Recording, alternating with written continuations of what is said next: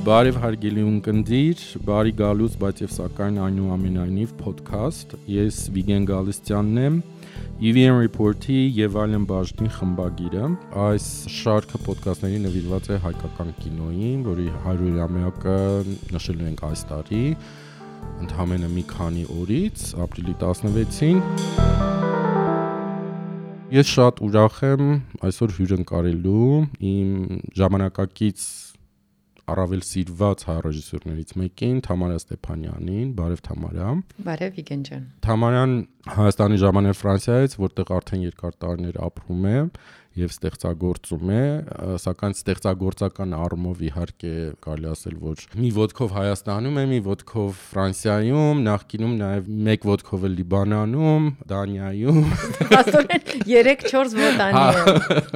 Իսկական կոսմոպոլիտ, եթե տենց վերցնենք։ Պուսանը մոռացար, կորեան։ Պուսանը ինչ է զորը։ Ես այնտեղ ապրել եմ, ես սովորել եմ։ Տեսնում ես, ինչքան ինչպեսի հարուստ կենսագրություն։ Դրա համար էլ ֆիլմերը այդքան յուրօրինակ են, ես կարծում եմ, այդ տարբեր մշակութային հոսքերի, հոսանքների, ազդեցությունների, ինչ որ միախառնություն, որը երևում է, բայց զարմանալիորեն դու դրանք միևնույն է այնուամենայնիվ բերում ես հայկականության դաշտ։ Այո։ Ես ուզում եմ երևի դրանից սկսենք։ Իհարկե, գուցե մեր ունկնդիրներից շատերին ծանոթ չեն քո ֆիլմերը։ Ես կարծում եմ, թե պետք գրեթե բոլորը ցուցադրվել են ոսկե ծիրանում։ Այո։ Մրցանակներ են շահել, նույնիսկ ֆիլմերից այդ մեկը հիմա չեմ հիշում որը, կարճամետրաժներից մեկը համարվում է հայկական կինոակադեմիայի կողմից, համարվել է Հայակ, ժամանակ հայակներ, լավագույն կարճամետրաժ, դա փետրվարի 19 ֆիլմն է կարճամետրաժ խաղական։ Բայց այդ տարվա թե ընդհանրապես։ Այո, այդ տարվա հա, հայակի լավագույն կարճամետրաժ ֆիլմի տիտղոսին արժանացավ, սենց ասեմ։ Այո։ Այո, թերևս վերջի ֆիլմը, որը 2019 այո թվականին լույս թողարկվեց մեծ էկրաններին, նաև ցուցադրվեց Հայաստանում, Կանանց գյուղը լիամետրաժ վավերագրական ֆիլմներ։ Եթե չեք տեսել Թամարայի ֆիլմերը, որտեղ կարող են տեսնել։ Արի մի հատ դրանից սկսենք։ Իհարկե, նախ անցյալ տարի Ֆրանսիայում, Փարիզում, ապրիլին, մի տարի առաջ դուրս եկավ իմ DVD-ներ, DVD կոֆղե, այսինքն ընդհանուր երկու DVD-ի վրա իմ 4 ֆիլմերը, դա օֆիցիալ հրապարակվեց, դուրս եկավ։ Ֆրանսիական պրեսան շատ հետաքրքիր տենց լավ բաներ գրեցին։ Գիտեմ, որ DVD-ները վաճառվում են Ֆրանսիայում, Ամերիկայում, Հայաստանում կասկածում եմ։ Չէ, DVD չեն գնում։ Չէ, չէ, տենց որ ասեմ on-line ինչ շատ են հարցրել, կարող ենք տեսնել ձեր ֆիլմերը on-line, չկա on-line եղել են չոր պլատֆորմաների վրա, Mubi-ի վրա եղել, բայց էլ չկա, Ֆրանսիայում մի քանի պլատֆորմայի վրա է եղել, բայց դժբախտաբար հիմա տենց ինտերնետով չկա, երբ որ ինձնից ուզում են, ես ճիշտ ասած տալիս եմ Vimeo լինքը, բանով, պարոլով, չգիտեմ, ասենք թե կարող է սխալ եմ անում, բայց իմ կարծիքով ֆիլմը նրա համար արված, որ մարդիկ տեսնեն ու ես հասկանում եմ որ ամեն մարդ նախ չի կարող գնել DVD եւ ամեն մարդ չի կարող ասենք թե գա հասնի չի հասնի Փարիզ գնելու այդ DVD Չէ ու դա շատ իրական ցավոտ խնդիր է, որովհետև եթե քո ֆիլմերը իրականում ավելի հասանելի լինեին մեր տեղացի հանդիսատեսին, ասենք լինեին այդ տարբեր թեկուզ օրինական հոսքային հարթակներում, այսինքն սթրիմինգ հարթակներում, դա կօգներ մարդկանց հասկանալ, որ կա որոշակի այլ ձևի հայկական կինո, որ իրենք կարող են ժամանակակից հայկական կինո, այսինքն ի տարբերություն, օրինակ նույն մասսայական կոմեդիաներին եւ այլն, որ հիմնականում մարդիկ լայն հանդիսատեսը ճանաչում է որպես ժամանակակից հայ կինո։ Այսինքն պետքա Դե ես կարող եմ առաջարկել իմ ֆրանսիացի պրոդյուսերներին, որպեսզի այստեղ կա, ես դե ճիշտ եմ հիշում, ֆիլմադարան, չէ՞, տենց կինոդարան։ Կինոդարան, այո, կինոդարան սթրիմինգային հարթակը կա, որը նաև կարծեմ հասանելի է ԱՄՆ, ոչ թե կարծեմ հասանելի է նաև ԱՄՆ-ում, ված հարթակ չի։ Այո, ինձ իրան գրել էին ճիշտ ասած, ու ես հիմա պետք է արվի ակտիվացնեմ դա ու խնդրեմ իմ ֆրանսիացի պրոդյուսերներին, տենց դե ինչ-որ, այո, Այսպես, որովհետև ես շատ կուզեմ, որ Հայաստանի հանդիսատեսը կարողանա նայել իմ ֆիլմերը, որովհետև ես նորից եմ կրկնում, ֆիլմը անում ենք, որպեսզի հանդիսատեսը նայի, մեր համար չենք անում։ Այո, որովհետև նաև քո ֆիլմերը խոսում են շատ հրատապ հարցերի մասին, չէ, այսինքն բացի նրանից, որ դրանք իսկապես արվեստի գործեր են, դրանք հեղինակային կինոյի հրաշալի օրինակներ են, բայց նաև քո ֆիլմերը հատկապես ես կասեի վերջի շրջանի ավելի հասուն շրջանի ֆիլմերը դրանք սոցիալապես ներգրաված կինոյի օրինակներ են, այսինքն ֆիլմեր, որոնք անադառնում են կարևոր խնդիրներին, օրինակ էմիգրացիային, արտագաղթ եւ այլն այդ խոպան ասած վիճակը, այո։ Վերջի երկու լեամետրաժը ցենց արտագաղթի թեմայով են, չէ։ Այո, այսինքն առաջի այդ որ քո որ ասում ես վերջին երկուսը, դա եղել է Dune կարը, իմ Սև ու Սպիտակ վավերագրական ֆիլմը, որ նկարել եմ Մարսել քաղաքում 2 տարի, դա 2016 թվականի ֆիլմ է, սկսել եմ 2014-ին, լավ եմ հիշում, որտեվ աղջիկս նոր էր ծնվել եւ ընդամենը 2 ամսական էր, երբ առաջի անգամ գնացի Մարսել ու այդ ֆիլմը 2 տարի տևեց, այո, դա այն հայերի մասին էր, որ ինչ-ինչ ճանապարհներով գալիս են Ֆրանսիա, Մարսել, այս պարագայում եւ փնտրում են ապաստան։ Այսինքն իրենք դիմում են իրենց գործերը, հանձնվում են եւ սպասում են այդ սպասման մասին էր դա կարծում եմ շատերին շատ ծանոթ իրավիճակ ոչ միայն տխուր ծանր եւ դրսում բայց նաեւ Հայաստանում որովհետեւ նույն այդ մարդկանց հետ սպասում են նաեւ իրենց այն բարեկամները կամ ընտանիքի անդամները որոնք մնացել են Հայաստանում դե Ես էլ ես էլ այնտեղ եմ իրանց հետ սպասում այդ ֆիլմը այդ էր եւ դա շատ իմ կարծիքով բավականին ծանր եւ բացի ծանր լինելով ինքը շատ հետաքրքիր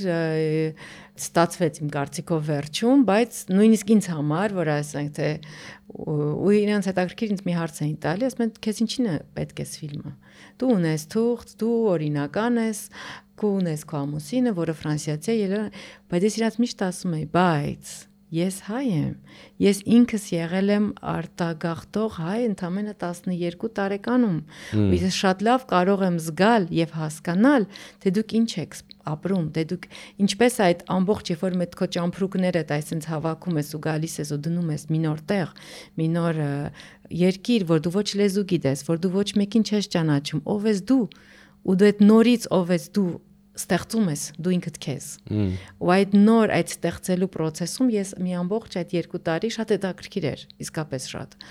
Ու ես այսի բայց ինչ է լինի, ես էլ եմ, չէ, հայ։ Ու իրանք հա օրինակ ես հիշում եմ, երբ որ ես նկարում եի, դու չգիտեմ, թե հիշում ես այդ մի հատ կտոր կա, որ երեխաներ են։ Այո, այո։ Այս այդ երեխաներին նայում եմ, ես ես ինձ էի տեսնում։ Երեխաների կտորը ամենահուզիչն էր իմ համար, որ իրանց այդ մշուշոտ ապագան եւ նաեւ այդտեղ հարց է իհարկե առաջանում իրենց այդ փխրուն կապը, իրենց պատմական հա ինքնության հետ արդյոք կպահպանվի, չի պահպանվի, կմնան իրանք հայ թե չեն մնա հայ, այսինքն դրանք հարցեր են, որոնք իրականում կարծես թե ճակատագրային են, չէ՞, մեր համար որպես ժողովուրդ, որպես ազգ ու զարմանալի է իրականում, որ հայկական կինոն շատ չի անդրադարձել այդ թեմային, այսինքն հաշվի առնելով թե պահանդղտությունը եւ արտագաղթը եւ այդ մի տեսակ նոմադիկ, հա, վիճակը, երբ որ դու անընդհատ ինչ որ որտեղից ինչ որտեղ է հա շարժման մեջ ես հա ու փորձում ես քո տեղը գտնել աշխարհում եւ այլն դա այնքան բնորոշ է հայկական փորձառությանը բայց մեր մեր կինոն կարծես թե տենց հիմնական խուսափել է չէ այդ փորձառությունը ներկայացնելուց հիմա դրան կվերադառնանք իհարկե մեր կինոյում որովհետեւ այսօրվա մեր խոսակցության ամենա գլխավոր թեման է, բայց ես ուզում եմ վերադառնամ այդ սկզբնական հարցին, հաշվի առնելով քո փորձառությունը, ասենք դու կրթությունը ստացրեց Լիբանանում, հետ կրթությունը Դանիայում եւ այլն եւ այլն, այսինքն հիմնականում դրսում դրսում ես կայացել կարելի ասել որպես ռեժիսոր, բայց եւ այնուամենայնիվ քո ստեղծագործական գործունեությունը շատ անկախտելիորեն կարծես թե կապում ես Հայաստանի հետ կամ հայկականության այս ավելի մեծ դաշտի հետ ինչու շատ ճիշտ ես նկատել ինչու որովհետև իմ կարծիքով ես մեծացել եմ մի ընտանիքում շատ հայասեր իսկ կարամ քեզ ասեմ ավելի շատ Երևանասեր ընտանիքում հուշենք որ նաև հայրիկը իհարկե մեր սիրված դերասան Վիգեն Ստեփանյանն է, այսինքն Այո, հայրիկս Վիգեն Ստեփանյանը, մայրս Նարինե Հարությունյան Թավջութակարոհի ու իրենք մենք որ մեկնեցինք Բեյրութ, մենք երեքով էինք, մենք ոչ մեկին չէինք ճանաչում։ Դա շատ ինձ համար շատ այնց մելանխոլիկ տարիներ են, որովհետև ես շատ ծանր ապրեցի այդ Հայաստանից մեկնումը, թողելով ամեն ինչ յետևում, ու այդ իմ կարծիքով մեզ փրկեց մեր Հայաստանի հանդեպ այդ սերը, որ իմ ծնողներս կարողացան դնել, մեր տան դրված կա այդպես էր, մենք խոսում էինք միայն հայերեն, ու ասենք թե ես հիշում եմ այդ նամակները, որ գրում էի հայերեն, տատիկիս, պապիկիս, քույրիկներիս, եղբայրներիս, ընկերուներիս, ընկերներիս, նույնիսկ ծիրած տղա ունե իր նամակներ էի գրում։ Այո, շատ լավ հիշում եմ։ Ու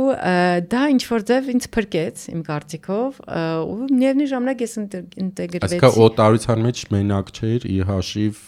Այդ կապի, չէ։ Այո, այդ կապի։ Ու ինչ իհարկե ես ինտեգրվեցի Լիբանանի, ես Բեյրութ շատ եմ սիրում, ես ապրել եմ, մեծացել եմ, սովորել եմ, այսինքն բայց դա սկսեց ավելի 18-ից հետո։ Երբ որ արդեն գիտակցական կյանք, արդեն դառնում ես կին, մեծանում ես, գնում ես համալսարան, երբ որ ընտրեցի մասնագիտությունս կինո, որը ծնողներս իհարկե չէին ուզում սկզբից, ասելով դու ինչ ես տեսել, կին ռեժիսոր ես տեսել, ասում եի ոչ, ինչ կլինենք կես կլինե, մյուսը կլինի, մյուսը կլինի, հետո ինչ որ չի եղել։ Ու ես հիշում եմ շատ լավ այդ խոսակցությունը, իսկ հետո երբ որ արդեն սկսեցի ֆիլմ նկարել, արդեն papan ասում է, իհարկե, ես կանեմ ամեն ինչ քեզ համար, որ դու օգնեմ, որտեվ այո, դու ասեցիր, որ կլինես կին ռեժիսոր եւ դարձար։ Ու իմ կարծիքով այդ սերը Հայաստանի հանդեպ մեզ փրկեց եւ ինչ որտեղ ես հիմա զգում եմ, որ ես տարին կես կես տարին ես Հայաստանում եմ Իմ բոլոր ֆիլմերը կապված են Հայաստանի հետ, համարյան 3 ամիսը մեկ գալիս եմ ու գնալով դա ավելի աշատանում։ Ու ես հասկանում եմ, որ ես երբ ես չեմ կարող ապրեմ Հայաստանում, դա իմ կարծիքով մի քիչ դժվար կլինի, բայց ես իմ կինոների միջոցով եմ ապրում Հայաստանում ինքս ինձ խափում եմ, էլի։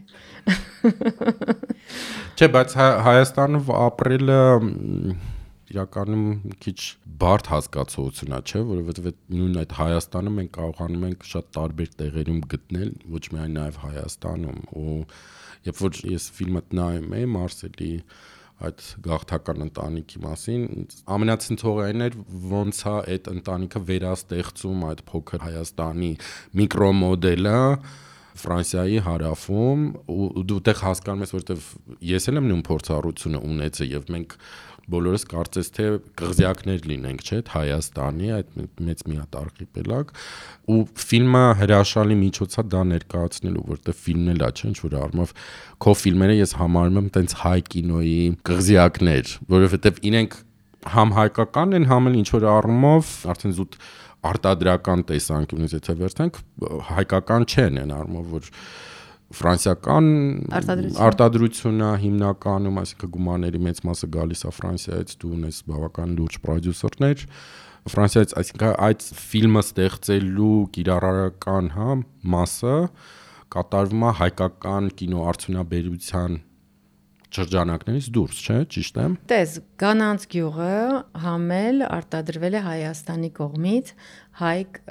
դոկումենտալ ստուդիայի կողմից, որ այդ ճիշտն ասած դա ինձ համար շատ կարևոր էր, երբ որ մենք սկսեցինք Կանանց գյուղը ֆիլմի արտադրությունը, ես իմ պրոդյուսերին Ստեֆանին ասացի, գիտես, ես շատ կուզենամ այս ֆիլմը լինի համատեղ արտադրությամբ Հայաստանի հետ եւ այդպես մենք դիմեցինք հայկ կինոստուդիա եւ ստացանք բավականին ոչ քիչ գումար եւ դա կարողացանք դա մեզ որ քեզ ասեմ օգնեց մի քանի շաբաթ ավելացնել մոնտաժը, ձայնագրել երաժշտությունը, այնտեղ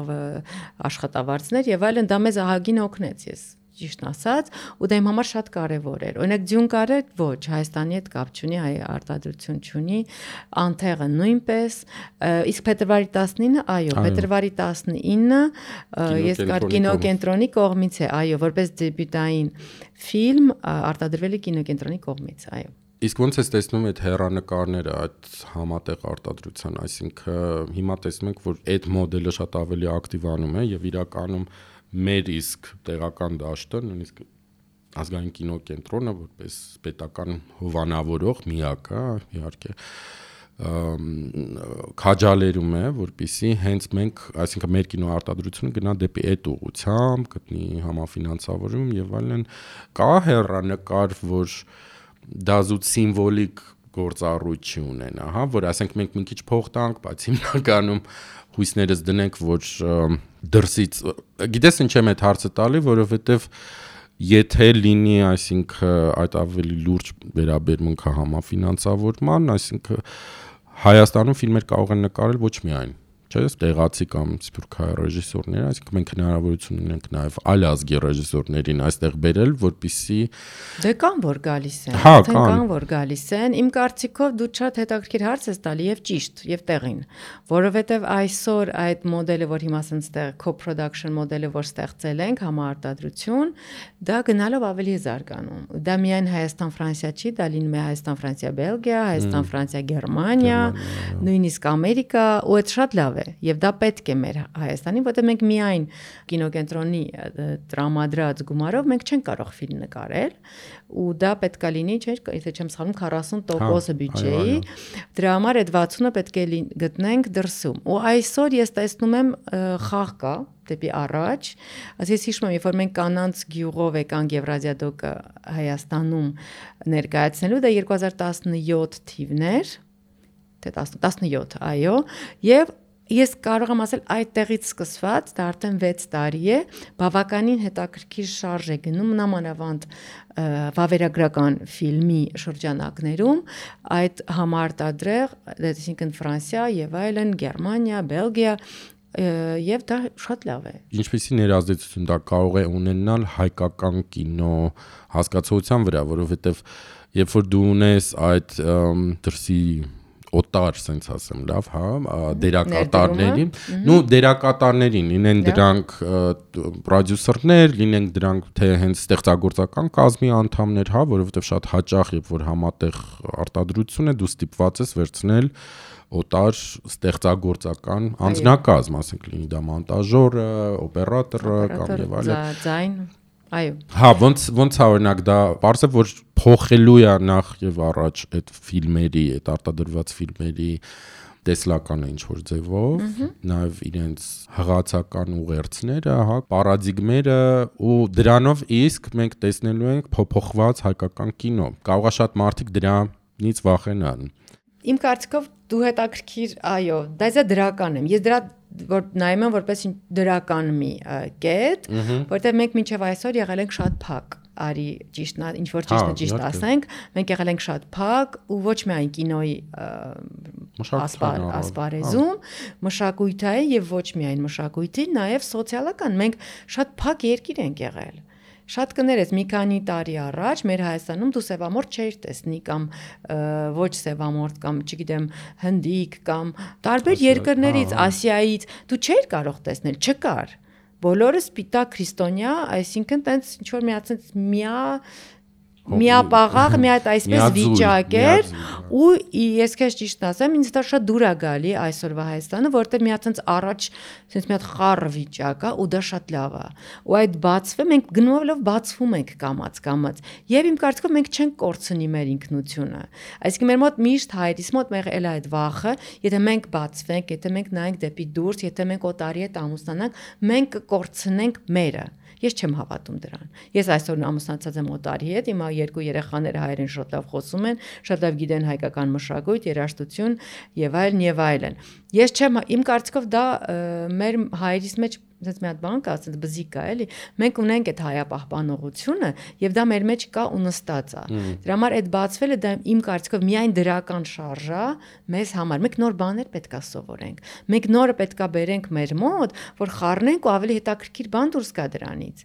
Միայն մի տեսակը, որ ասենք դե նույն ճար սարքելուց, եթե դու միայն սմբուկով ճար սարքես, դա համով չի լինի, երբ որ սմբուկը գազար եւ ընդհանրապես խառնում ես իրար, դա շատ ուղղություն սպեցիներ է ավելացնում։ Ինք շատ ավելի համով է, չէ՞ իհարկե դրա համար համեմունքները պետքա շատացնենք, հա։ Մենք այո, եւ դրա համար այս քո ասած այս համարտադրողական իրավիճակը շատ իմ կարծիքով դրական եմ տեսնում։ Ու մենք այսօր շատ ավելի դուրս են գալիս այդ միջազգային բեմ մեր ֆիլմերով, չէ՞։ Առաջ այո, ասենք թե եթե առաջ ես մի քիչ մենակ էի այդ միջազգային փառատոներում, ես հիմա մենակ չեմ, այդ շատ լավ է։ Հա, ու դու հաճախ ներկայանում ես հենց կին ուրիշ այլ կին ռեժիսորների կողքին, այսինքն այդ միջազգային ասպարեզում նամանად վերջի մի քանի տարվա ընթացքում հայտնում են հենց կին ռեժիսորները, ինչը կասեի, որ ռադիկալ շրջա, արմատական շրջա դարձա մեր կինոյի պատմության համար, հա, որովհետև նման նախադեպ իհարկե չէր եղել, որ նույն տարվա մեջ, ասենք 4 երիտասարդ կին ռեժիսոր հայտնվեն բավականին ճանաչված այո հարթակներում մրցանակներ շահեն դրանք հիմա իմ դե աններով դե կարելի է նշել Օֆելյան, Համբարձումյան, Իննան Սահակյան եւ այլն Օվսանան Շեկոյան Օվսանան Շեկոյան Եվ դա հիանալի է եւ շատ ուրախ եմ եւ իսկապես ընդրսում սրտից ու նենց հայերեն ասած սրտով թոքով բան չէ Ես ուրախ եմ որովհետեւ ի սրտե լավ մաքուր հայերենով ասենք ուրախ եմ որովհետեւ իմ կարծիքով այդ պորտկումը դա եղել է իմ կարծիքով եմ ասում, կարող է ես շատ սխալվում եմ, բայց այդ սովետական շրջանից հետո, այդ խորթային օրերից հետո, այսինքն մի հատ ազատություն է մեզ տրվել։ Ու իմ կարծիքով դա շատ հետաքրքիր են այսօր կանայք վերարտադրում այդ ազատությունը։ Ու դու տեսնում ես մանավանդ վավերագրական ժանրի մեջ կան շատ լավ հայ կինո ռեժիսորներ Այո։ Եվ դա ողջունելի է, եւ դա հիանալի է, եւ դա գիտես թե համար որ եկել է Ազնավուր բան, Ազնավուր դպրոցում, որ ինձ հravirել էին, ու բավական այնտեղ կա մշակութային տենց մի հատ մաս ու երիտասարդ, ավակ դպրոցը, հա, իրանք մշակույթի բանով են գնում, այնտեղ կա կինո, երաժշտություն եւ այլն, եւ ես ցույց տվեցի մի քանի մասեր ոչ միայն իմ ֆիլմերից, իմ ֆիլմից, Ինայի ֆիլմից, Լիլիթ Մովսեսյանի դոկումենտալ մոռացանք իրան ֆիլմից եւ շատ հետաքրքիր էր որ հանդիսատեսը դե երիտասարդներ էին 16-ից 18 տարեկան եւ կին նու եւ աղջիկներ եւ տղաներ ու մի հատ հետաքրքիր բան ասեց այդ աղջիկը ասեց դուք մեզ աստորեն ուզում եք ասել որ մենք կարող ենք ֆիլմ նկարել Ես ասացի իհարկե կարող ես եւ պետք է անես։ Եթե դու ասի գտնում ես ինչ որ բան ունես ասելու, ուժ ես գտնում, հետաքրություն ես գտնում, եթե դու մտածում ես որ դու առանց կինոյի չես կարող ապրել, իհարկե կարող ես։ Դու այսօր ունես այդ ազատությունը, գնա եւ արա։ Որտեւ կարծիքով կինոն այն մասնագիտությունն է, թե չէ չպետք է անել։ Եթե դու կինոյով ես զբաղվում, դու պետք է ուրեմն այդ գիրք ունենաս քո մեջ, որ դու առանց դրա չկարանաս ապրել։ Եթե դու կարաս առանց կինոյի ապրես, ես ասում գնա ուրիշ բան արա։ Որտեվ Բայց կանանց համար շատ ավելի բարդ խնդիր է, չէ՞, ֆիլմ նկարելը։ Իհարկե, բայց դա ավելի հետաքրքրացնում է մեր կյանքը։ Ես քեզ կասեմ, իմ կարծիքով։ Բայց բարդ է, այո, որտեվ դու պետքա համել ինչ որտեղ փորձես քո ընտանեկան կյանքը, քո ասենք թե չէ, այդ այդ սաղ ինչ որ համ, բայց ես քեզ մի փոքրիկ բան պատմեմ Մարիա Սահակյանից։ Մենք Մարիա Սահակյանում Թբիլիսիում մասնակցում ենք իրար հետ մի հատ շատ լավ կինոփառատոնի, Թբիլիսի միջազգային կինոփառատոն։ Ինքը ներկայացնում էր իր Ալավերդին, ես ներկայացնում եմ իմ փետրվարի 19-ը։ Առավոտյան երկուսս կիսակնած նախաճաշ ենք անում։ Եվ Մարիա Մաշանի ժամանակ ուներ արդեն 3 երեխա կարծեմ, կամ 2, չեմ հիշում, կամ 2 կամ 3, 3 երևի, եւ ես չունեի երեխա եւ ընդհանրապես միտք էլ չունեի ունենալու այն ժամանակ։ Ու մենք ցենց խոսում ենք ընդհանրապես կինոից եւ լիկին լինելուց եւ այլն ու ցենց Մաշանս ու ես ասում եմ, չէ, ես իմ կարծիքով ես ընտանիք չեմ կազմի, ես երեխա չեմ ունենա, որովհետեւ դա դժվար կլինի եւ համա տեղել ընտանիք, կին եւ այլն, որտեվ ես ասում, դա իմ համար ես իմ կարծիքով ես առանց կինո չեմ կարող ապրել։ Կինոն դա իմ կյանքն է, դա իմ կյանքի մի հատ մեծ մասն է ինչպես որ իմ ընտանիքը այսօր, բայց այն ժամանակ ինձ համար դա մի հատ այսպես շատ հերու մի բան էր։ Իսկ Մաշան ասեց չեմ հասկանում, խես տենց խոսում, դու չես տեսնում, ինձ դիմացդ նստած եմ 3 երեխու հետ ու ինքը շատ մի շատ հետաքրքիր մի հատ լեկցիա կարդաց ինձ, որ շատ հետաքրքիր, որ ինքը ամեն սյոմկայի մի երեխայի հետ նկարել է ֆիլմի, իր ասում իմ բոլոր սյոմկաներին այդ կենգուրի մեջ մի հատ երեխա կար։ Ու ասում եմ ես դա երբեք, ասում եմ Տոմա, երբեք ինձ չի խանգարել երեխան կամ կին լինել կամ ընտանիք ունենալ, ստեղծագործելու։ Հա, որովհետև այդ այդ միֆերից մեկն է, չէ, որ մեր հասարակությունը անընդհատ վերարտադրում է, որ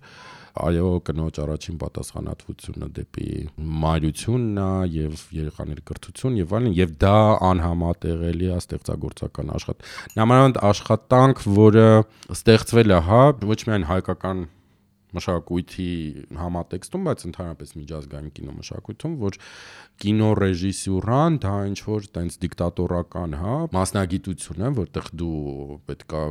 ահռելի քանակության մարդկանց կարողանաս ղեկավարել, հա, եւ համոզել եւ հրամցնել քո հայացքները եւ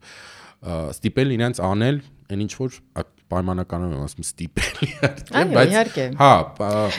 շինծու պատկերացումները թե ինչպիսին պետքա լինի ռեժիսորը, հա, եւ սովորաբար դա տղամարդկային կերպար էր, որը անհամատեղելի էր, հա, կնոջ մասին պատկերացումների հետ։ Նաև բերելա նրան, որ մեր կինոյում չի եղել, այսինքն Իհարկե։ 20-րդ դարի ընթացքում մատների վրա հիմնական կարելի է հաշվել թե քանի կինոռեժիսոր է եղել ընդհանրապես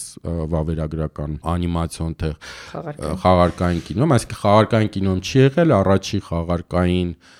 լիամետրաժ ֆիլմի ռեժիսորը, որպես կին դա Մաշանա Սահակյան 2000-ականներին որ Այդ եմ ասում, եթե նկարեց Մաշան ինձ Դիպիտայինը։ չհամոզեր, ես հաստատ այսօր երեխա չէի ունենա։ Այսինքն այդ մոդելների Այո։ դերը այսօր շատ կարևոր է եւ ինչ որ առումով դու հենց այդ առաջի ալիքում ես, չէ՞, Ես շարունակում եմ, այո, այդ ասում եմ Մաշան ինձ ոնց որ մտա այդ ալիք, այդ ում այդ ժամանակաշրջանում, ու հիմա ես շարունակում եմ։ Շատ ափսոս որ Մաշան չի, այո։ Այո, շարունակել։ Ա, Այլևս, բայց մեր ֆիլմերը իհարկե իհարկե։ կան եւ մեծ կարեւորություն ունեն հենց հայկական կինոյի պատմության համար, որովհետեւ էլի գալիս են այդ շրջադարձային ինչ որ որոշակի բանի, որտեղ երբ որ օրինակ դու նայում ես Մաշայի Ալավերդին, դու հասկանում ես, որ դե մի բան փոխվել է։ Արդեն կա լրիվ ուրիշ հայացք ու այդ որ մենք անդադ խոսում ենք իհարկե բանավիճում ենք այս հարցի շուրջ արդյոք կա այդպիսի հասկացողություն ինչպիսին կնոջ հայացքի տարբերություն տղամարդու հայացքի թե ոչ եւ ոչ ոք իհարկե համաձայնության չի գալի շատ կանայք նույնիսկ դեմ են նման ձևակերպմանը որովհետեւ Որտեվ կինոն կամ լավն է կամ վատն է։ Ինչ որ սկսում են ասել սա կանացի ֆիլմ է, Հա։ սա ես ես գժվում եմ ուղղակի, որտեվ տենց բան չկա։ որովհետեւ դա հիմնական գալիս է նաեւ որպես վիրավորանք չէ այսինքն Իհարկե, կանացի ինչ ֆիլմը կանացի ֆիլմ է, այսինքն ինքը բան է, էլի։ ոչ լուրջ, ինչ որ ոչ ինտելեկտուալ եւ այլն։ Եւ դա շատ սխալ է, որտեվ տենց բան չկա։ Դա միֆ է ինձ համար։ Կա լավ ֆիլմ ու կա վատ ֆիլմ։ Բայց կարծում եմ այնուամենայնիվ օրինակ թեկուզ եթե վերցնենք Մաշային ու Ալավերդուն, դու այդտեղ տեսնում ես լրիվ ուրիշ ոսպնյակ, հա, իրականության հանդեպ եւ հատկապես Հայաստանի հանդեպ։ Ու դա չէր կարող ոչ կնոջ կողմից նկարված, այսինքն տղամարդը չէր կարող ես կարծում եմ այդպիսի ֆիլմ նկարել։ Ինձ էլ է տենց թվում, բայց դա արդեն զգացողությունն է։ Դա կանացի զգացողությունն է, կանացի այդ sensitivity-ին, ճիշտ եմ ասում, զգացողական զգայականություն։ զգայականությունն է, որ ինքը կարողանում է կինոյի միջոցով տալ հանդիսատեսին։ Դա ուրիշ բան է։ Այո, իհարկե ես համաձայն եմ, որ դա կա, դա ին ֆիլմերի մեջ էլ կա, Մաշայի ֆիլմերի մեջ էլ կա, Նորայի ֆիլմի մեջ էլ կա, իհարկե դա կա եւ դա շատ լավ է։ Բայց ոնց եմ դա էլ կարա լինի լավը կամ վատը, չէ՞։ Եվ այդ այդ դրանով են երևի մենք տարբերվում, եթե փորձենք ինչ որ տարբերություն գտնել կին եւ տղամարդու ֆիլմի մեջ, ես չեմ սիրում տենց նայել, որտեղ ես ասում կամ լավն է կամ վատն է ֆիլմը։ Կամ ինչ որ ը, Դե մեր մեր կոնտեքստում մի քիչ անխուսափելի է այդ Հասկանում եմ, հասկանում եմ ասածդ։ որովհետև նախ եւ առաջ փորձում ես հասկանալ դե ինչ ինչու չի եղել, ինչու հանկարծակի մեկ էլ հայտնվում է կանանց մի սերունդ, որոնք կարծես թե իրենցով արդեն ինչ որ ալիք են ձևավորում, որը Այո։ հիմ, հիմնովին կարծես հայկական կինո հասկացությունը տանում է մեկ լրիվ այլ տեղ, այլ ուղությամբ։ Ու այդ ուղություններից մեկը, որը իմ դուրը շատ է գալի, որպես ասենք կինոյի ինչ որ պատմաբան, դա այն է, որ ես նոր էի դրա մասին մտածում, որ քո սերնդակից, ասենց ասեմ, կանանց ֆիլմերում կա մի հատ կարևոր հանգամանք, դա հրատապության զգացողությունն է։ Որպես օրինակ առաջներից որ գալիս է միտքս Սիլվայի Խնկանոսյան ֆիլմն է, կին սակրավորների մասին, որոնք շատ վտանգավոր աշխատանք են տանում, տանում էին, հիմա էլ են երևի տանում, ասենք Արցախում, հա։ Բոլոր այդ ֆիլմերը այս կամ այն եւ քո ֆիլմը, որը խոսում է շատ նույնպես հրատապ խնդրի մասին, դա միայնակ կանանց հարցն է, այսինքն կանայք ամուսնացած կանայք մայրեր եւ այլն, որոնք մնացել են մենակ, որովհետեւ իրենց ամուսինները լքել են Ռուսաստանում աշխատում են եւ է։ այսինքն շատ լրջագույն սոցիալական խնդրի մասին ես դու հարց բարձացնում, այսինքն բոլոր այդ ֆիլմերը ունեն սոցիալական հրատապության հրամայական, ինչը օրինակ իմ համար շատ լրջորեն տարբերվում է հայ կինոյի 20-րդ դարի հայկական կինոյի պատմական, այսինքն հրամայականներից, որտեղ դու նայում ես ֆիլմեր, հաճախ շատ հայտնի ֆիլմեր, շատ սիրված ֆիլմեր, բայց նրանցում չկա այդ հրատապությունը, այսինքն չկա այն զգացողությունը, որ տվյալ ֆիլմը է որոշակի կարևոր օրհասական, հա, լուրջ լրջագույն սոցիալական հարցի, սոցիալական, մշակութային, քաղաքական եւ այլն հարցի ու այն ինչ որ կինոռեժիսորներ են անում այդ առումով շատ է տարբերվում, հա, այդ պատմական հետագծից։ Բայց հետաքրքիր բան է նկատել, որը շատ ճիշտ է։ Այո, եթե մենք վերադառնանք, ասենք թե սովետական շրջանի կինոները, որ հիմա ինչպես գիտես, ես տենց լրիվ խորացել եմ ու ամեն օր չգիտեմ նայում եմ։ հա։ Ու ճիշտ ես, ինչ որտեղ դու ճիշտ ես, չնայած ասենք նույն այդ կինոներում իհարկե կան պատերազմի հետ կապված ինչ որ պատմություններ, նույնը ասենք թե ցեղասպանության հետ կապված պատմություններ, բայց դրանք կարող ենք հաշվել էլի մատերո մատերի վրա ինչքանի հատ ֆիլմ է։ Իսկ այո, իմ կարծիքով դա գալիս է այն իրավիճակից, ինչու են կին ռեժիսորները հրատապ ձևով խոսում այս սոցիալական խնդիրների մասին, որովհետև, չգիտեմ, եթե ճիշտ է դա ասել եմ,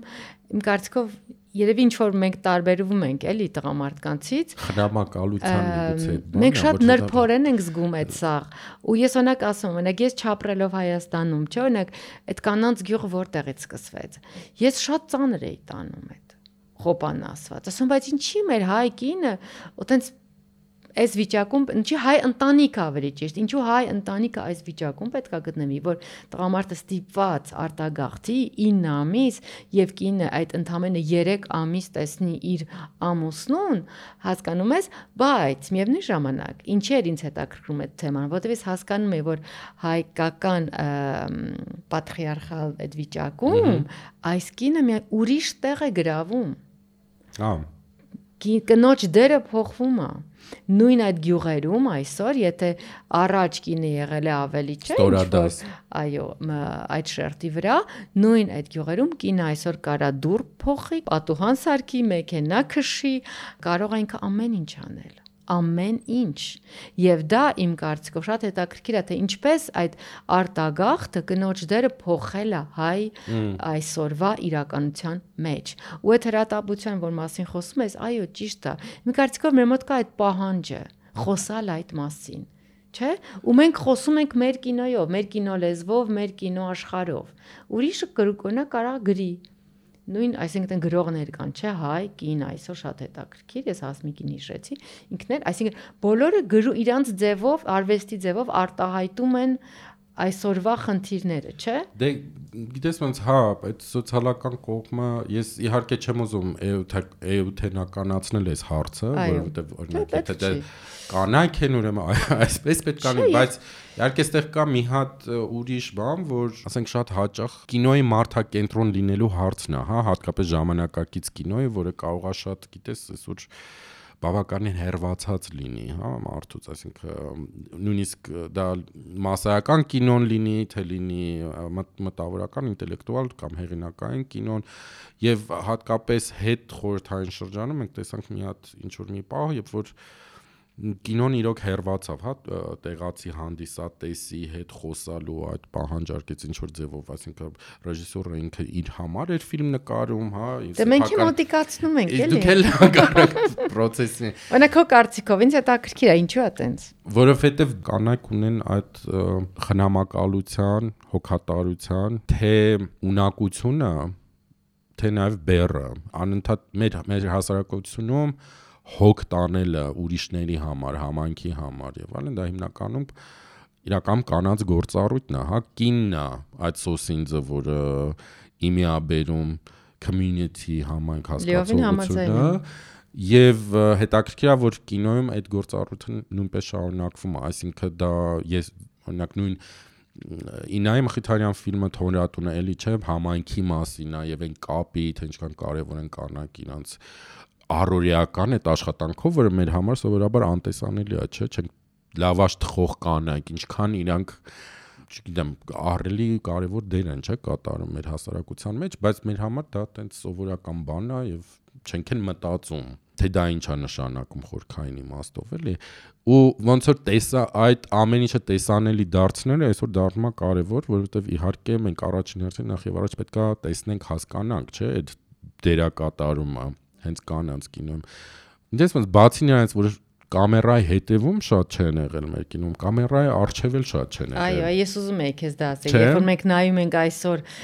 հիանալի ֆիլմեր սովետական շրջանի, շատ տղամարդ կա եւ շատ քիչ կին եւ ընդհանրապես այդ քիչ կինը ընդամենը մի երկ մի քանի դերասանուհի է խաղում ու վերջանում այդտեղ մտքով ցանցավ Գալյանովենց Ալաթումանյան Ալաթումանյան կինը Բագրատ Հովանիսյանի։ Իր անունը չեմ հիշում, բայց ինքը համենա երկու ֆիլմում ա խաղացել։ Դե ասեք դե մասից մտածեմ հայկին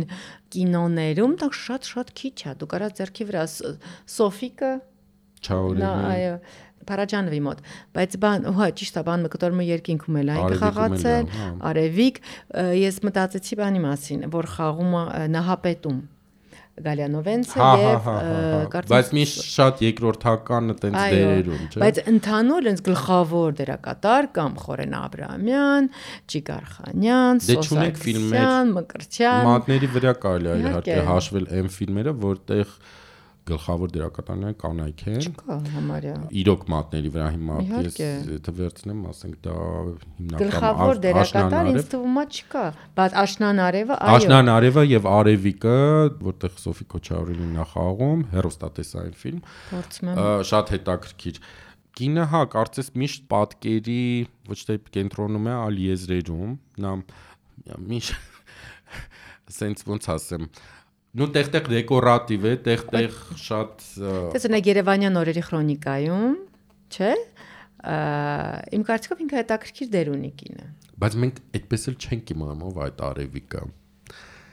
Դու ամեն ինչ իմանում ես Խորեն Աբ รา համյանի կերպարի մասին, իր ուզերի, տվայտանքների եւ այլն այդ տարապանքների, այդ ներաշխարի իսկ ով է արևիկը ընդհանրապես ինչ է այդ կինը մտածում, զգում եւ այլն եւ այլն շատ կարծես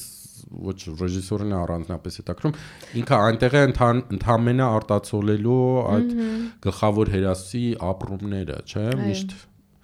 այդ դերում են։ Ճիշտ է, այդ գլխավոր կին դերակատար, որ տենց բան մտածես չկա։ Չգիտեմ, կամ ասում ես, մատների վրա կարող է։ Ու հետեւաբար կարելի է դրանց եզրակացեմ, որ կանանց պատմությունները չեն պատմվել չէ՞։ Այո։ Այո։ Եվ ոնց ես դու դրան նայում, հիմա գանք ոնց որ կենտրոնական մեր Եկանք հասանք, չէ՞։ Եկանք հասանք վերջապես բուն թեմային, այն, այսինքն հիմա դու գտնում ես մի շատ հետաքրքիր գործընթացում,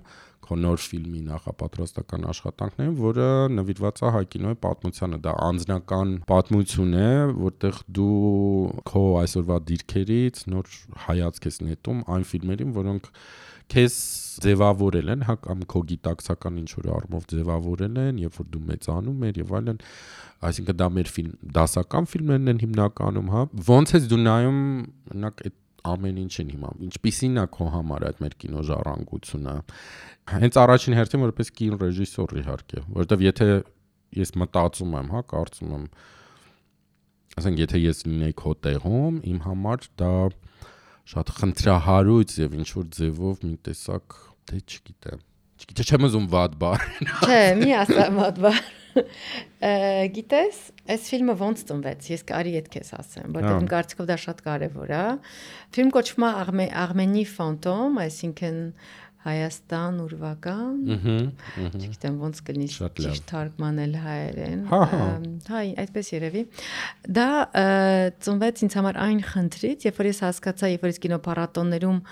ման էի գալիս, այսպես ասած, եւ ներկայացնում էին ֆիլմերը, ես ներկայացնում էի հայկական կինոն ու երբ որ ես սկսում էի խոսալ ֆեստիվալային այդ ժողովրդի հետ, իրանք ասում են, «Օ, մենք գիտենք Փարաջանովին, մենք գիտենք Փելեշյանին», իսկ ասում եմ, «Իսկ հետո»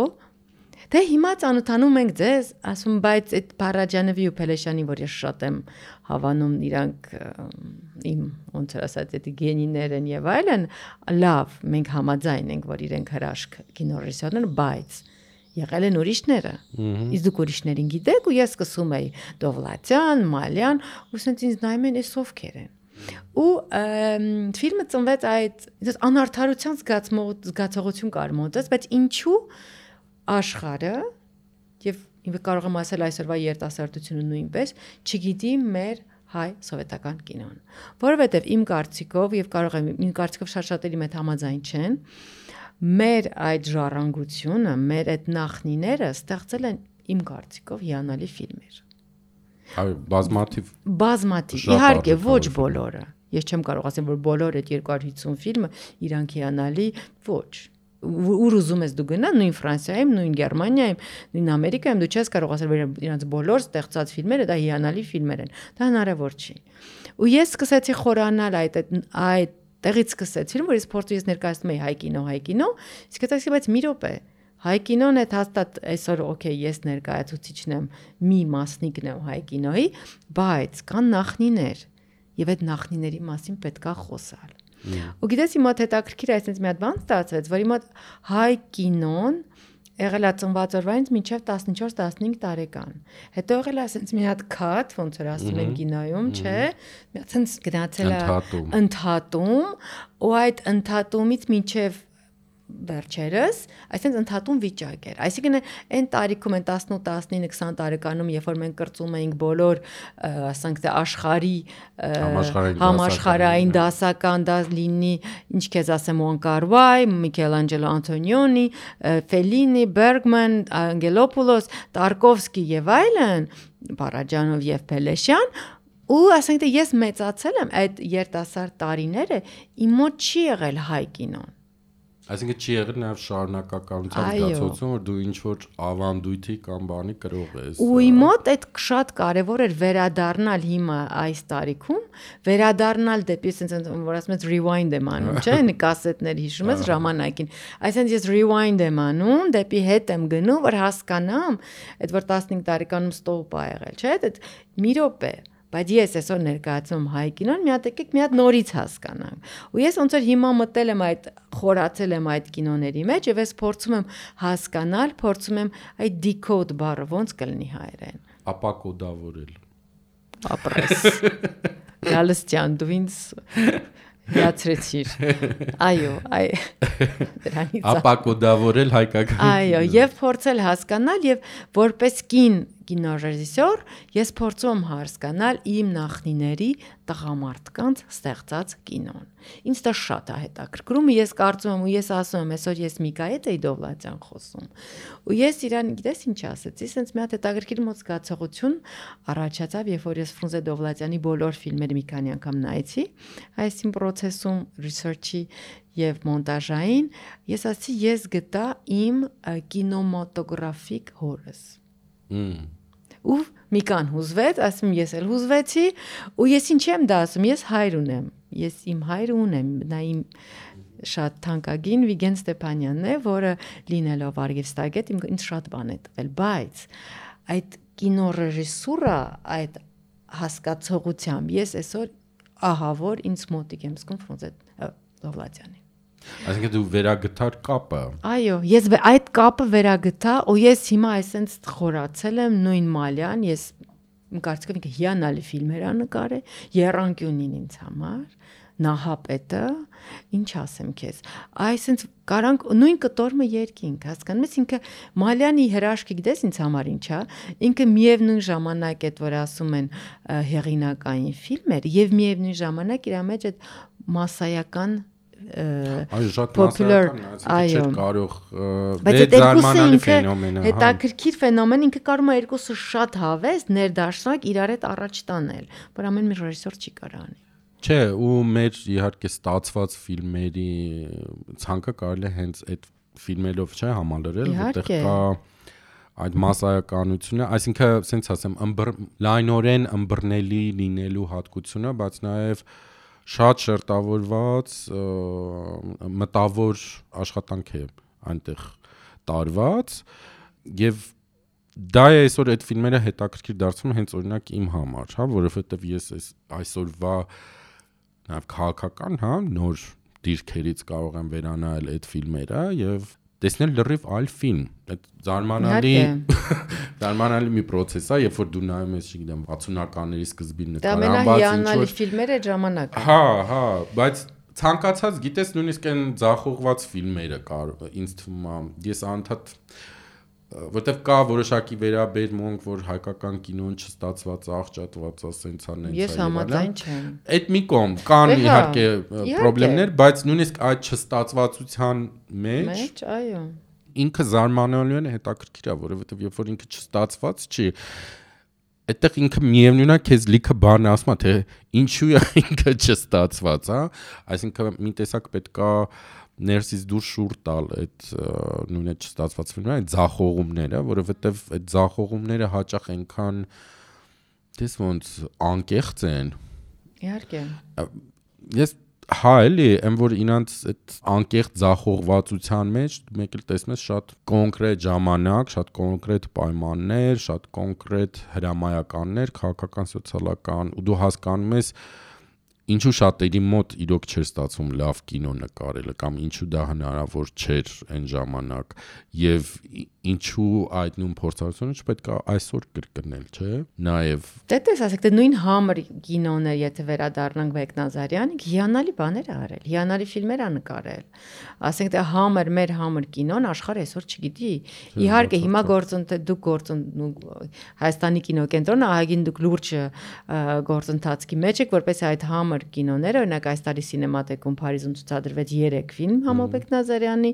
որը շատ հիանալի անցավ։ Ուզում ասեմ, այդ պետքա դուրս հանել այդ արկղներից ու ես այսօր այն օրը ասում էի մի քանի հոգու որ պետք է այդ սաղ թարգմանել, տիտրեր դնել ու այդ ջրի երես հանել այդ ֆիլմերը, որովհետև շատ շատեր ինձ այսօր օրինակ ես խոսում եմ մի պրոյեկտի մասին, նույն Հայաստանում, ասում են լավ է, ցին կինոն, սովետական բանը սա պրոպագանդա էր, էս էր, այն էր։ Ես ասում չէ, բայց մի րոպե։ Իհարկե կային էլեմենտներ պրոպագանդա, այդ եղել է եւ գիտենք դե- բոլորս, բայց կողքից Ինքան հետաքրքիր բաներ կա։ Հիմա ես մտածում եմ օրինակ, որ Երանկյունու մեջ Ռուբեն Մաթեոսյանը սկսում է երկիր զերտնիր լաո, սովետական վախտով, ո՞նց է կարողացել այդ մարդը անել, ես չգիտեմ։ Դա հետաքրքիրն է, իմ այդ այդպես հարթ է, այսինքն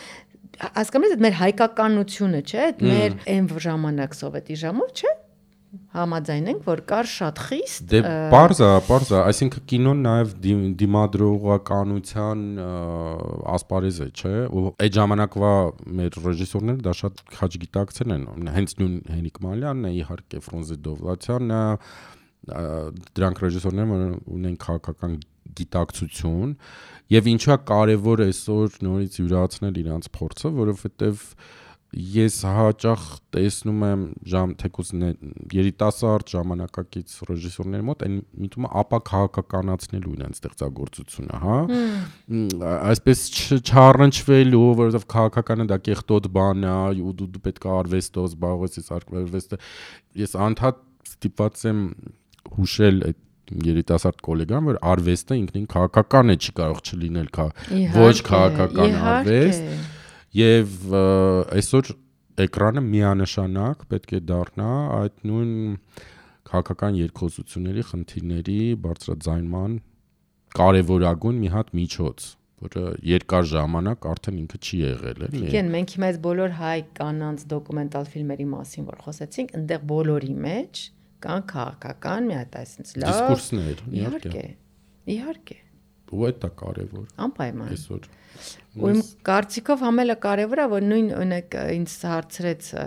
Սելինը, պրոդյուսերս այս ֆիլմին, ասես դու ում համար ես անում այս ֆիլմը։ Հմ։ Հետաքրքիր հարց էր, չէ՞։ Ես ում համար եմ անում այս ֆիլմը։ Արդյոք դու Եվրոպայի համար ես անում, արդյոք դու Հայաստանի համար ես անում, ում համար ես անում այս ֆիլմը։ Եվ իմ մոտ այսպես մի հատ շատ հետաքրքիր կարծիքով պատասխան, այսինքն ես անում եմ բոլորի համար Ես ուզում եմ, այո, ես ուզում եմ աշխարհին ցույց տալ, որ քո ասած այդ նույն Փելեշյանը կամ Փարաջանը իրանք եղել են մի անգամ իշում ես խոսում էինք the outsiders այսինքն իրանք այդ սովետական այդ բանի մեջ չեն մտել չէ չէ բացարձակ իմ կարծիքով այսօրվա օրով ինձ դրա համար ինձ շատ հետաքրքիր է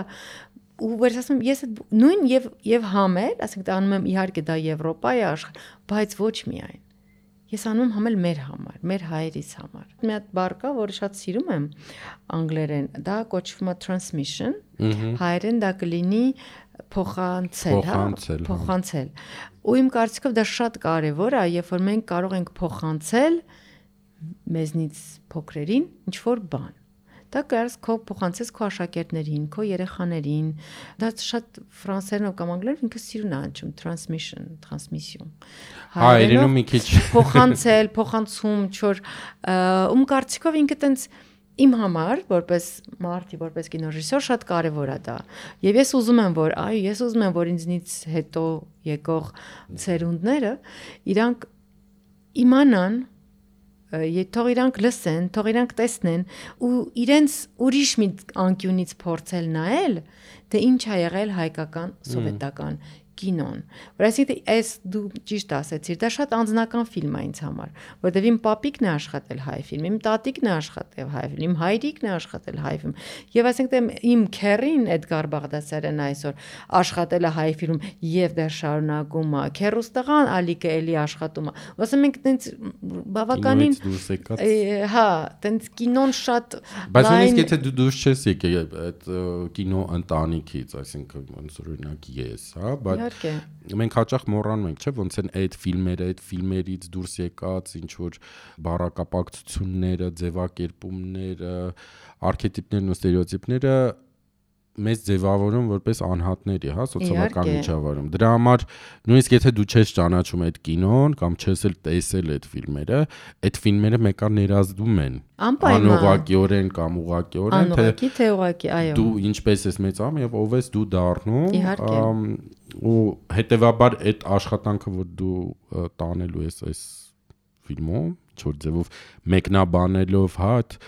ասենց ասեմ պատճառահետևանքային ինչ որ ձևով հա նաեւ կապը մեր ու ֆիլմերի միջև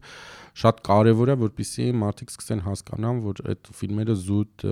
նոստալգիա չեն զուտ զվարճանք չեն զուտ դրանք իրոք կոդեր են որոնք մեզ փոխանցում են ու մենք պետքա եթե ոչ ընդունենք դրան որովհետեւ կարող ես այդ կոդերը մերժել իհարկե բայց գոնե պետքա իրենց ճանաչես հասկանաս ու փորձել տանես ինչ որ ձևով նաև փոխես եւ ավելացնել նոր կոդեր Իհարկե, դա պետքա խոսենք, դա պետքա փոխենք, դա պետքա մերժենք, դա պետքա ընդունենք։ Ես չեմ ասում պետքա ընդունել ու ասել վայ, ես ինչ միա, չէ, ոչ։ Իհարկե, պետքա քննադատել էլ, բայց իմ կարծիքով, այսինքն իմ աշխատանքը ինչ է այս ֆիլմում, Հայաստան ուրվական ֆիլմում, դա դուրս հանել այդ ամբողջ արխիվները խոսել իրենց մասին եւ ոչ միայն քննադատել,